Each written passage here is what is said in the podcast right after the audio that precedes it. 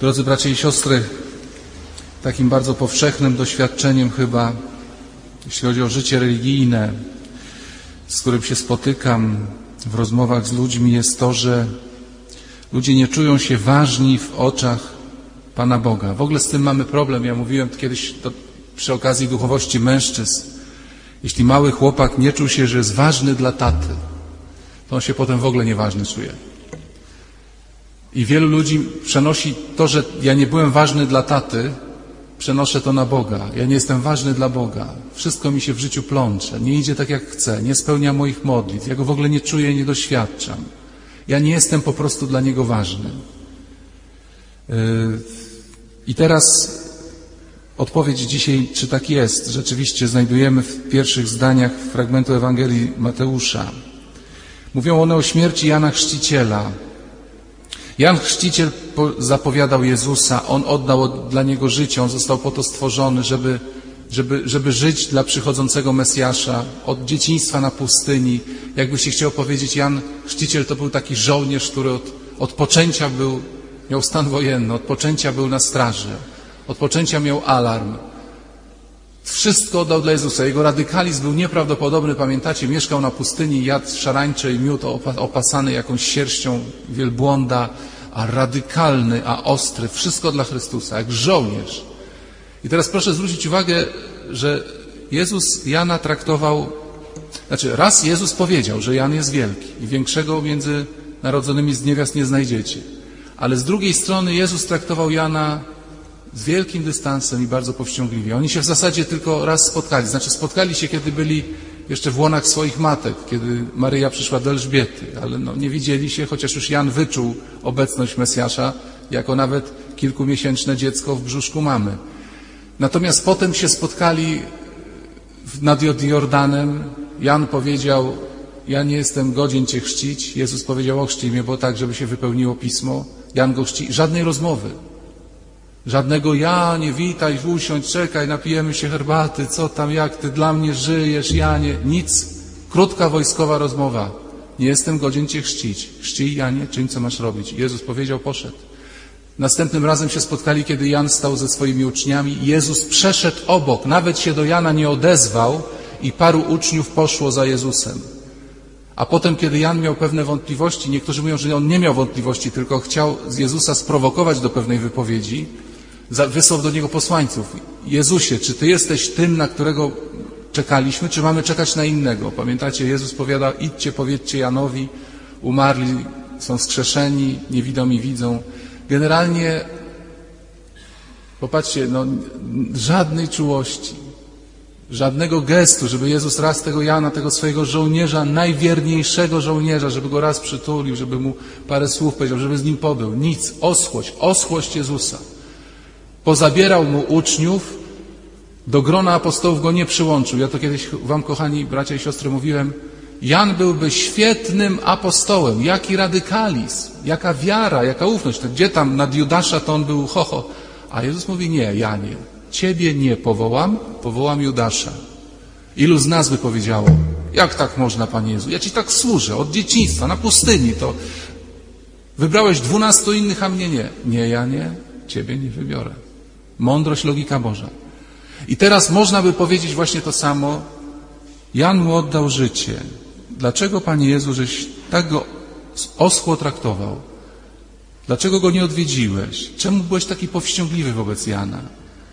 I my mamy to samo. Dlaczego Pan Bóg jest dla nas taki powściągliwy? Dlaczego jakoś mnie nie pocieszy? Ja chodzę do kościoła, naprawdę się modlę od lat, tyle spowiedzi, żeby mi dał jakąś radość. Czy ja naprawdę jestem mu obojętny? Popatrzcie, jak Jezus reaguje, kiedy się dowiaduje, że Jan został zamordowany. Jezus oddalił się stamtąd w łodzi na miejsce pustynne osobno. Wyobrażacie sobie, jesteście w biurze, siedzicie z koleżankami i ktoś pada, mówi, Krzysiek nie żyje, nasz kolega był chory na nowotwór, no spodziewaliśmy tej śmierci się, no wszyscy jesteście smutni, no umarł, a jedna kobieta mówi, szefie, proszę mnie zwolnić, ja, ja dzisiaj nie dam rady pracować. Wszyscy byście powiedzieli, kurczę, ale go kochała, była z nim związana. No taka reakcja, że ona chce odejść, nie może pracować, przerywa misję. On, on był dla niej kimś bardzo ważnym. Czy ktoś z Was, dowiadując się o śmierci przyjaciela, sąsiada, krewnego, brata ciotecznego, czy siostry ciotecznej, po, powiedział: Zostawcie mnie wszyscy. Ja chcę być sam. A Jezus tak powiedział po śmierci Jana: Zostawcie mnie wszyscy. Ja chcę być sam. Zginął mój przyjaciel. I uwierz mi, że Jezus Ci chce pokazać: Tak, jestem dla Ciebie osły, tak jak dla Jana. Bo muszę Cię prowadzić do góry, rozumiesz? Jezus jest ciągle piętro wyżej, bo nas ciągnie do góry, do życia duchowego i dlatego nie ma tych uczuć nieraz w Kościele, nie ma tych uczuć przy spowiedzi, przy Piśmie Świętym. My jesteśmy tacy wysuszeni. Przepraszam, dialog z taternictwa. Chłopak zabrał swoją dziewczynę w góry i wspinają się tam na jakiś szczyt, są na jakiejś ścianie, no raczej są, wiszą. On wisi wyżej, wbija te kołki, a jego dziewczyna trzy metry niżej wisi i się buja już tak zmarzła na tej ścianie i on tak patrzy na nią z góry, mówi, co tam? A ona mówi, przytuliłabym się do ciebie, ale masz wymagania w odpowiednim momencie. Jak wejdziemy na szczyt, to się przytulimy. Proszę Państwa, farbą olejną sobie to zapisać na ścianie. Jak wejdziemy na szczyt, to się przytulimy. A teraz wisimy na linię z Jezusem, taternicy Boży. I nie, nie czujesz Go, no rzeczywiście. Na tym poziomie naszego ani rozumienia, ani uczuć nie czuję tego Jezusa, bo Jezus jest tam i ciągnie cię do góry. Zacznij myśleć sercem. Odejdź od świata. Nie szukaj pocieszeń ludzkich. Ja ci dam nieludzkie pocieszenia. A co to są nieludzkie? No nie wytłumaczę ci teraz, co to są nieludzkie, bo ty myślisz po ludzku. Muszę cię drażnić głodem, muszę cię drażnić niepokojem, żebyś mi nie zasnął. Kochani, przy tych temperaturach, jakie przeżywamy w tej chwili na dworzu i przy okresie wakacyjnym, muszę wziąć specjalny zestaw przykładów do kazania bo przecież nie jakieś filozoficzne. Kochani, ja potrzebuję nieraz negatywnego przykładu, a ja znam negatywne przykłady nawet z niektórych tutaj osób, co stoją w kościele, ale oczywiście buzię mam zamkniętą, więc pozostają mi negatywne przykłady o mnie. Wakacyjny przykład. To było kilka lat temu, jechałem w góry i ktoś mi mówi, słuchaj, odwiedź Krynicę Górską, ale mówię Ci, to się zrobił taki, wiesz, miasto dla Europy, dla Europy. To jest taki poziom tego uzdrowiska, Krynica. No i wracałem z Zakopanego, skręciłem przez Nowy Sąd, pojadę na dwa dni do Krynicy Górskiej. No rzeczywiście chodzę z miną Europejczyka po Europejskiej Krynicy Górskiej. No nadszedł czas na obiad. No jak już raz się jest w tej Krynicy, trzeba zaszaleć. Poszedłem do luksusowej restauracji, luksusowa kelnerka, luksusowe menu. Ja robię luksusowe miny, znam się na tych daniach wszystkich, po francusku, po angielsku.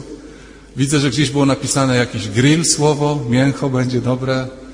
40 zł, raz się żyje, niech pani daje to danie. Robię eleganckie miny, czekam, czekam, przychodzi kelnerka i podaje mi dość niewielki talerz z jakimś usmażonym mięsem, do tego ładna bułeczka, ogóreczek, smacznego i poszła.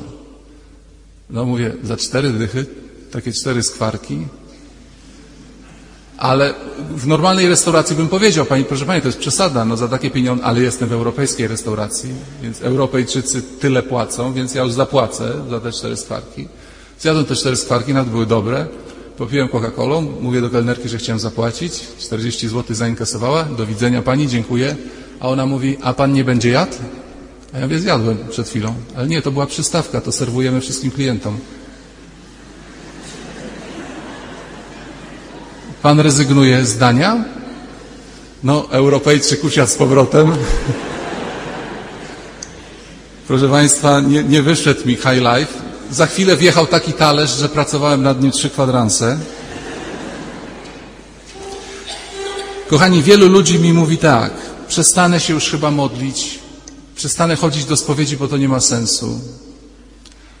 Nie przestanę już chyba pracować duchowo, bo tyle się starałem, i ten Bóg jest pusty. A ja mówię, po przystawce chcesz odejść? Nie poczekasz na danie główne? Rzeczywiście zapłaciłeś kolosalne pieniądze, restauracja jest luksusowa.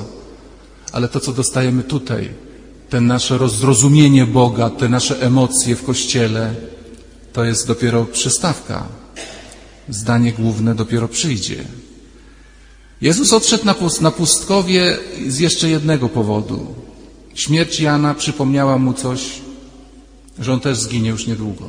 Jan był jego poprzednikiem, jego uczniem. Skoro ucznia zamordowali, czyż mistrza by nie zamordowali? Kochani, ta, są takie sytuacje w życiu, kiedy ktoś wie, absolutnie wie, że czeka go coś niedobrego.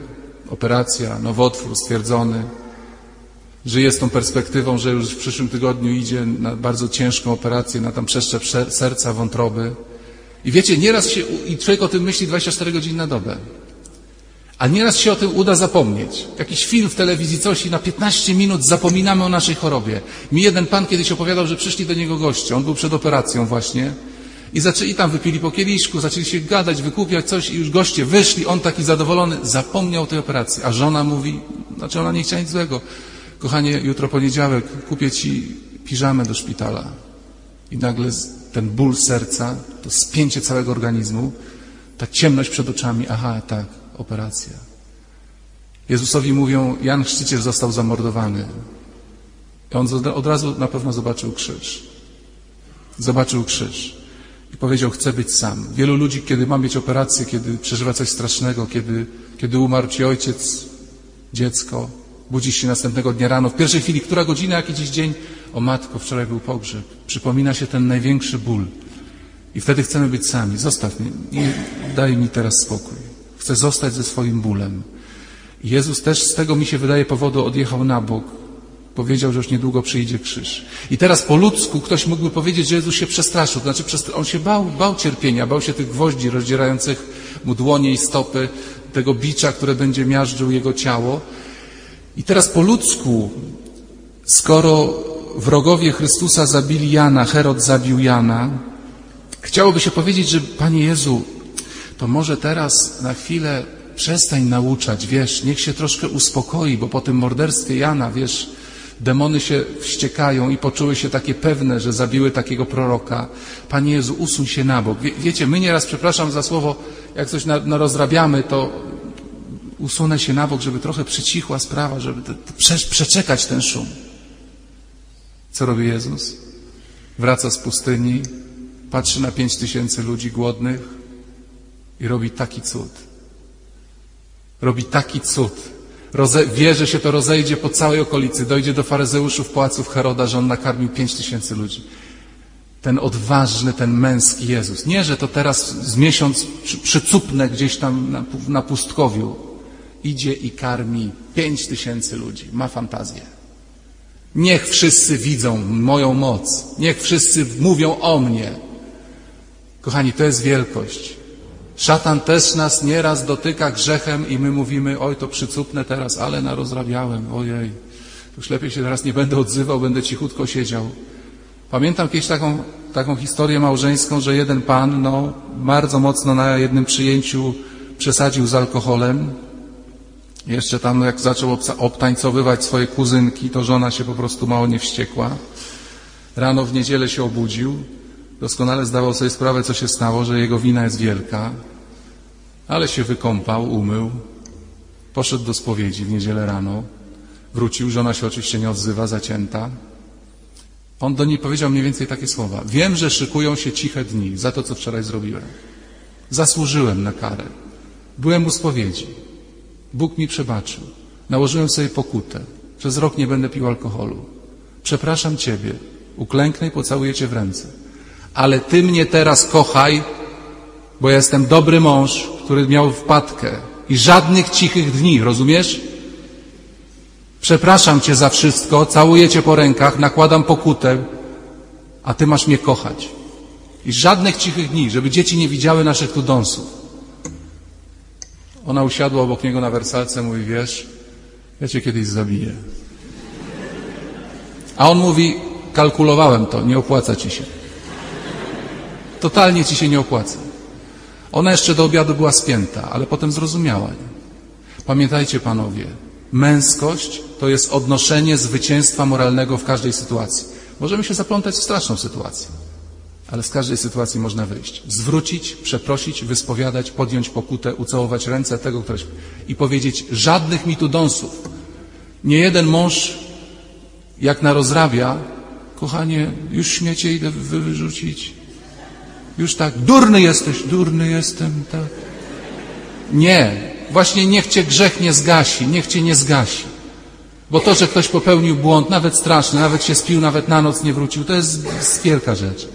Ale głowa do góry. Awanturę diabłu trzeba zrobić. Nie, że teraz miesiąc będę dostawał po głowie za to, że coś kiedyś zrobiłem. Popatrzcie dzisiejsze na drugie czytanie. Ach, to drugie czytanie. Któż nas może odłączyć od miłości Chrystusowej? Utrapienie, ucisk, czy prześladowanie, głód, czy nagość, niebezpieczeństwo, czy miecz? Czy cała sterta pornografii mnie odłączy od Boga? Czy upicie jedno, coś mi się zdarzyło, mnie odłączy od Boga?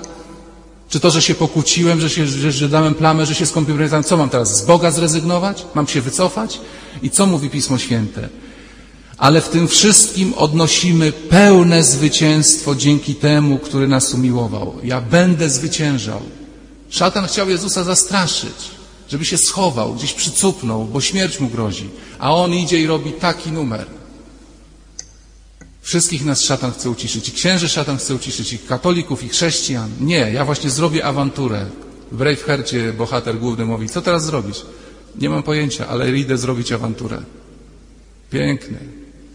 Kochani, i dalej. Jestem pewien, że ani śmierć, ani życie, ani aniołowie, ani zwierzchności, ani rzeczy teraźniejsze, ani przyszłe, ani potęgi, ani co wysokie, ani co głębokie, ani jakiekolwiek inne stworzenie nie zdoła nas odłączyć od miłości Boga, który jest w Jezusie Chrystusie. Ani teściowa, ani pięć kilo nadwagi, ani pypeć na nosie, którym się przejmujesz i jest Twoją tragedią, ani nauk masturbacji. Nic mnie nie odłączy od Boga. Nic mnie nie odłączy od Boga. Drogie Pani, która z Was powiedziała w życiu, jak tam dziecko było niegrzeczne, to Cię oddam, wynoś się. Nie. Choćby to dziecko nie wiem, co robiło. Ja z nim będę do końca życia. Nie dajmy się odłączyć od Boga. Ktoś powie, to jest szaleństwo. W Rosji jest takie powiedzenie. Bóg kocha pijaków, szaleńców i kochanków. Bóg kocha szaleńców, pijaków i kochanków. Proszę sobie tego nie brać na usprawiedliwienie. Jakby ktoś był w dwuznacznej sytuacji moralnej. Bo zaraz dojdziemy. Kochani, my mamy żyć. Jeśli masz wyjść z domu, jeśli masz iść między ludźmi, jeśli masz zarabiać pieniądze, popełnisz nieraz błąd popełnisz nieraz błąd. Ale życie to jest jak pas startowy na Okęciu. Wiecie, jakby ktoś wjechał na samochodem na pas startowy na Okęciu, no świetna droga, rewelacja, rozpędzić się 100, 150, 200 na godzinę, tylko idiota się rozpędza na pasie startowym, bo więżą się nagle kończy ogrodzeniem. I każdy zginie jeżdżąc po pasie startowym 200. Ale samolot, samolot może jechać po pasie startowym 200 i 300, dlatego że jedzie, jedzie, jedzie i podbija się i ogrodzenie mija dołem. Tak samo jest u nas w świecie. Zachwycą cię piękne kobiety, telewizory, forsa, świat. Mnie też zachwyca. I to nas rozpędza. Tylko żeby w odpowiednim momencie podbić maszynę i polecieć do Boga. Powiedzieć, nic mnie nie zaspokoi. Żadne kochanki, żaden seks, żadne pieniądze, żadne samochody, żadna informatyka. To nas pociąga, powtarzam. Ale trzeba w odpowiednim momencie podbić maszynę. Tylko niektórzy ludzie się chowają przed światem. Skoro to jest takie ryzykowne, że trzeba się rozpędzić, a potem podbić maszynę, a ja nie podbiję, to zostanę na okęciu w restauracji, będę siedział. Nigdzie nie polecisz. Ja tu mówię o tym, że pamiętacie, niedawno mieliśmy przypowieść o chwaście i o zbożu. Nie da się wyciąć chwastu, on będzie. Nieraz nasze grzechy nas doprowadzą do Pana Boga. Rozrabiałem i przez to się spowiadałem. Przecież nie, nie cnoty nas doprowadzają do Boga, tylko grzechy często. Święty Piotr został wielki, ale ile on narozrabiał? Augustyn, którego wyznania czytałem wam, został wielkim świętym, ale ile on przedtem narozrabiał? Jak on po tym pasie szalał? Aż w końcu roz, rozwalał się o to ogrodzenie, aż w końcu kiedyś poderwał maszynę. Kochani, nie zaśnijcie, bo katolicy często sprawiają ludzi śpiących. Przyznam wam, jak sam wchodziłem w tą lekcję, żeby nie zniszczyć w sobie życia, nie zdusić go przed tym lękiem, przed szatanem, przed grzechem, przed pomyłką. My się tak boimy pomyłki, że nieraz wolę nic nie robić, niż się pomylić. Jak coś robić, to się zawsze pomylić. Jak zorganizujesz bal, to, to tam coś nie wyjdzie na tym balu. Jak zorganizujesz pielgrzymkę, to coś nie wyjdzie na niej. Zawsze, kiedy się będziesz starał aktywnie coś robić, to coś nie wyjdzie.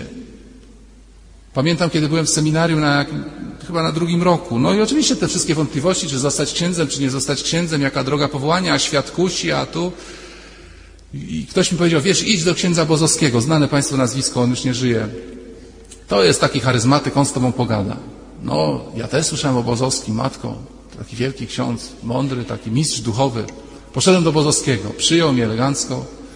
Może to już kiedyś mówiłem. Ja mówię, ojcze, no nie wiem, czy iść do tego kapłaństwa, bo świat kusi. Jedna dziewczyna, spotkałem ją kiedyś na ulicy, moja koleżanka, a tak wszystko wróciły, te różne myśli. A w tym momencie nam siostra zakonna podawała herbatę, bo on mieszkał u sióstr zakonnych. On mówi do mnie, pokazując na tą siostrę zakonną, podoba ci się? Ja mówię, no tak. No to klin klinem, brachu, klin klinem. Ja mówię, Jezus Maria, gdzie ja trafiłem? Do kogo ja trafiłem? A on mi chciał pokazać, nie rób z tego tragedii. Będzie ci się to podobać i tamto, będziesz pragnął, tylko żeby cię to rozpędziło i do góry samolot, do Chrystusa. Nie rozbij się na pasie startowym, bo to fatalnie wyglądałby taki samolot zanurzony dziobem w ogrodzenie. Zapomniał pilot pociągnąć tej wajchy do siebie. Otóż, kochani, to jest szaleństwo. To jest szaleństwo. Religia to nie jest matematyka. Dwa grzechy minus trzy różańce pomnożone przez cztery umartwienia, pierwiastek z grzechu wczorajszego, no mam szansę. 3,784 łamane przez 80, mam szansę. Chrześcijaństwo jest to szaleństwo. Kochani, w, duch, w historii duchowości, zwłaszcza duchowości wschodniej chrześcijańskiej, pojawia się termin idiota. Przepraszam, to takie trochę nieładne słowo może, ale ono jest w duchowości. Boży idiota. Boży szaleniec mówimy. Boży idiota. My jesteśmy do tego nieprzyzwyczajeni, dlatego że przez wieki Kościół stał się miejscem, gdzie ludzie, ludzie budowali swoją ludzką wielkość. Pamiętacie Państwo te kościoły starodawne, yy, znaczy w starodawnym społeczeństwie, w, w społeczeństwie przez 100, 200, 300 lat, do, do, plebs stał daleko, tu były kolaski dla hrabianek, witam hrabianki świętanowe, tam dobrodzieje siedzieli, każdy przychodził, robił mądrą minę. Zresztą dzisiaj troszeczkę z tego jest. Gdzie chodzisz na mszę świętą? Do wizytek chodzę. O, do wizytek. Ja na Domaniewską. Ja do Dominikanów, wiesz, ja słucham tylko tego ojca profesora habilitowanego, wiesz, ma niesamowicie na poziomie kazania. Na poziomie ma kazania. I myśmy się przyzwyczaili, że właśnie Kościół jest to, należy do dobrego tonu, iść w niedzielę do kościoła, ładnie stać, ładnie się ubrać i ja się po ludzku robię wielki. Oj, słuchajcie, gdyby tu przyszli święci, to by nas wyśmieli za te różne mądre pozy, bo chrześcijanin po części, a nawet może nie po części, jest idiotą. Proszę się nie gniewać, proszę Państwa, ale Wy macie wyższe wykształcenie, jesteście rozsądni ludzie. Przecież my za 10 minut uklękniemy przed białym chlebkiem na litość boską. Czy Państwo się zastanawiacie, co Wy robicie? A potem ja z tym białym chlebkiem przejdę przez kościół i będę Wam dawał do buzi chlebek na język, a Wy będziecie zamykać oczy i robić taką poważną minę. Zwariowaliście? A przynosicie swoje dzieci, a my je księża polewamy wodą z buteleczki? A wy jesteście ubrani odświętnie, a my dzieci polewamy wodą z buteleczki. Piękne kobiety mówią to pięknym mężczyznom, nie opuszczecie aż do śmierci. Przecież to głupota. Nie opuszczecie do pierwszej próby, a potem zobaczymy. Czytamy książkę. Ja, proszę Państwa, czytam tą książkę w kółko. Przychodzicie i czytamy jedną książkę w kółko od 30 lat. Ja ją jeszcze całuję. Przez wariactwo. A ja kiedy Was zapytam, jak będzie w niebie, to odpowiecie, nie wiemy. No totalna głupota. Psychiatryk po prostu. Warto bym przezaczynać Pan z Wami, z wariatami, z duchem Twoim idiotą. Dobry chrześcijanin jest dla świata głupi. Co mówił świat papieżowi? Janie Pawle, zmień tą naukę antykoncepcji, zmień to, przecież Kościół jest zaściankowy, Kościół jest idiotyczny, Kościół jest bezsensowny. Słyszycie tak? Powiedzcie w pracy, jak chcecie żyć po chrześcijańsku. Gośka, czyś ty zwariowała, różaniec odmawiasz. No co ty jesteś chora, chcesz mieć pięcioro dzieci? No, jesteś nienormalna. No latasz do kościoła. No, naprawdę jestem nienormalna? Boże, dzięki. Chrześcijaństwo jest, jest religią. Jaki pierwszy zarzut postawiono Jezusowi? Drugi rozdział Ewangelii Marka. Postradał zmysły. Zwariował. Przyszli krewni i mówili, ty uspokój się. Do was krewni nie przychodzili? Ciotka taka, Gosiu, nie chodź na pielgrzymkę, ty znajdź jakiegoś mężczyznę poważnego, wiesz, bo przy tym kościele to się kręcą takie wiatraki tylko. Zajmij się swoim życiem, bo zmarnujesz życie na tych rekolekcjach, jeździsz po tych kościołach i jeździsz. Tak samo przyszli krewni do Jezusa. Co ty robisz? Czego ty nauczasz? Błogo, błogosławieni co płaczą? Błogosławieni słabi? To jest nauka? Chodzimy drogi krzyżowe, Wielki Piątek, kolejka tak, jakiej w Warszawie nie ma, żeby stópki Panu Jezusowi ucałować. Wariactwo, proszę Państwa. Tylko żebyśmy to robili z serca, bo możemy, możemy wariatami nie być. Święty Franciszek, jeden z największych świętych Kościoła, na początek misji się rozebrał. Co tu dużo gadać? Rozebrał się, zgorszenie publiczne zrobił, aż biskup go musiał swoim płaszczem odbić. Boży szaleńcy zawsze jakoś kontestują ogół. Szaleństwo jest darem Ducha Świętego i wiecie pod jaką nazwą się skrywa ten dar szaleństwa? Mądrość. Jeśli jesteś mądry po Bożemu, to dla świata będziesz głupi. Jeśli jesteś mądry dla świata, to dla Chrystusa jesteś głupi. Jeśli Noe, Noe zaczął budować, 120 lat ludziom mówił, że będzie jakiś potop, a potem zaczął budować arkę. Pukali się w głowę. Prawdziwy chrześcijanin buduje arkę swoją i ludzie się będą pukać w głowę. Liczmy się z tym. Liczmy się z tym. Po czym się poznaje, czy ktoś jest tylko, przepraszam, szpanuje religijnie, czy jest prawdziwym szaleńcem Bożym? Po posłuszeństwie Kościołowi, po pokorze i po owocach. Bo można być, przepraszam, młodzież używania rasowa, szpanerem religijnym. Ale to nie to. To nie jest, to nie jest szaleniec na wzór Jezusa Chrystusa. W XVI wieku w Rosji żył Bazylii Błogosławiony. Chodził nago, no żeby tak jakoś w ogóle zachować resztki przyzwoitości, miał długą brodę do ziemi, więc się ukrywał tą brodą. Yy, Całował domy, w których odbywały się pijackie orgie, ponieważ widział wokół nich krążące, płaczące anioły. Zapalał świece i śpiewał hymny na zgliszczach domów prostytutek spalonych przez carską policję, a prostytutki okadzał kadzidłem, ogłaszając, że wyprzedzą nas w drodze do Królestwa Niebieskiego. Cerkwie zaś często opluwał, by wypędzić mieszkające w nich złe duchy. Ludzie się pukali w głowę, on wcale nie był głupi. Zaraz po jego śmierci zaczęto budować kościoły na jego cześć. Kochani, teraz się przyzwyczailiśmy, ale na początku, kiedy weszły te komórki, że można sobie było komórkę wsadzić w ucho i szedł facet ulicą i z kimś gadał, mówiliśmy wariat. Nie, nie wariat, on ma komórkę. Do dzisiaj w samochodzie widzimy, jedzie gościu samochodem, śmieje się, gada do kogoś, sam siedzi w samochodzie. Nikogo to nie dziwi, ma komórkę.